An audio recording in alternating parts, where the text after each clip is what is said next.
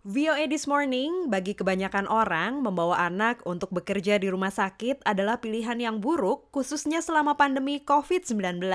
Tetapi banyak ibu hamil di bidang medis tidak punya pilihan lain ketika mereka harus tetap bekerja. Di Los Angeles, California, ada seorang dokter yang sedang hamil 7 bulan dan tetap merawat pasien COVID-19.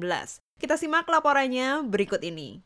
Di saat para orang tua tetap tinggal di rumah dengan anak-anak mereka selama pandemi virus corona, Dr. Zavia Zaria justru membawa anaknya yang masih dalam kandungan yang berusia tujuh bulan ke kantor untuk menjalankan tugasnya sebagai dokter yang memimpin unit perawatan intensif atau ICU di Los Angeles. He's really well behaved in the sense that when I'm doing the procedures, he's he's chilling doesn't give me any trouble. He just lies still.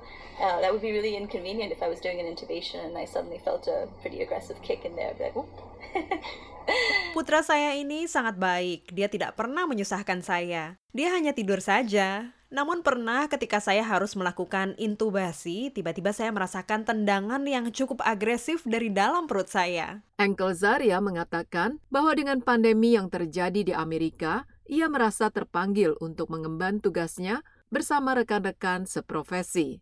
Dia menyadari akan resiko bagi bayinya, untuk itu dia memakai alat pelindung diri atau APD agar mereka tetap sehat. Kekhawatirannya sekarang adalah apa yang akan terjadi setelah kelahiran. I'm worried that he's not going to have the ability to develop close relationships with family and friends. Saya khawatir ketika anak saya lahir nanti di kemudian hari dia akan sulit mengembangkan hubungan dekat dengan keluarga dan teman-teman karena kita harus menjaga jarak dari semua orang. Selama melewati hari-hari yang panjang di rumah sakit dan dikelilingi oleh pasien dengan masalah kesehatan yang serius, Engkel Zaria mengatakan dikompresi merupakan bagian utama dari rutinitasnya. We don't have a lot of time to process feelings around here. We speak to families on the phone uh, about their loved ones dying and it is very difficult.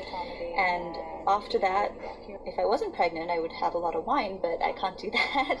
Kami tidak punya banyak waktu untuk memikirkan perasaan di sekitar sini. Kami berbicara dengan keluarga di telepon tentang orang yang mereka cintai yang dalam keadaan sekarat dan itu sangat sulit. Kalau saya sedang tidak hamil, saya akan minum anggur yang banyak. Tetapi saat ini saya tidak bisa melakukannya. Engkel Zaria mengatakan dia dan suaminya belum mendapat nama yang tepat untuk bayinya.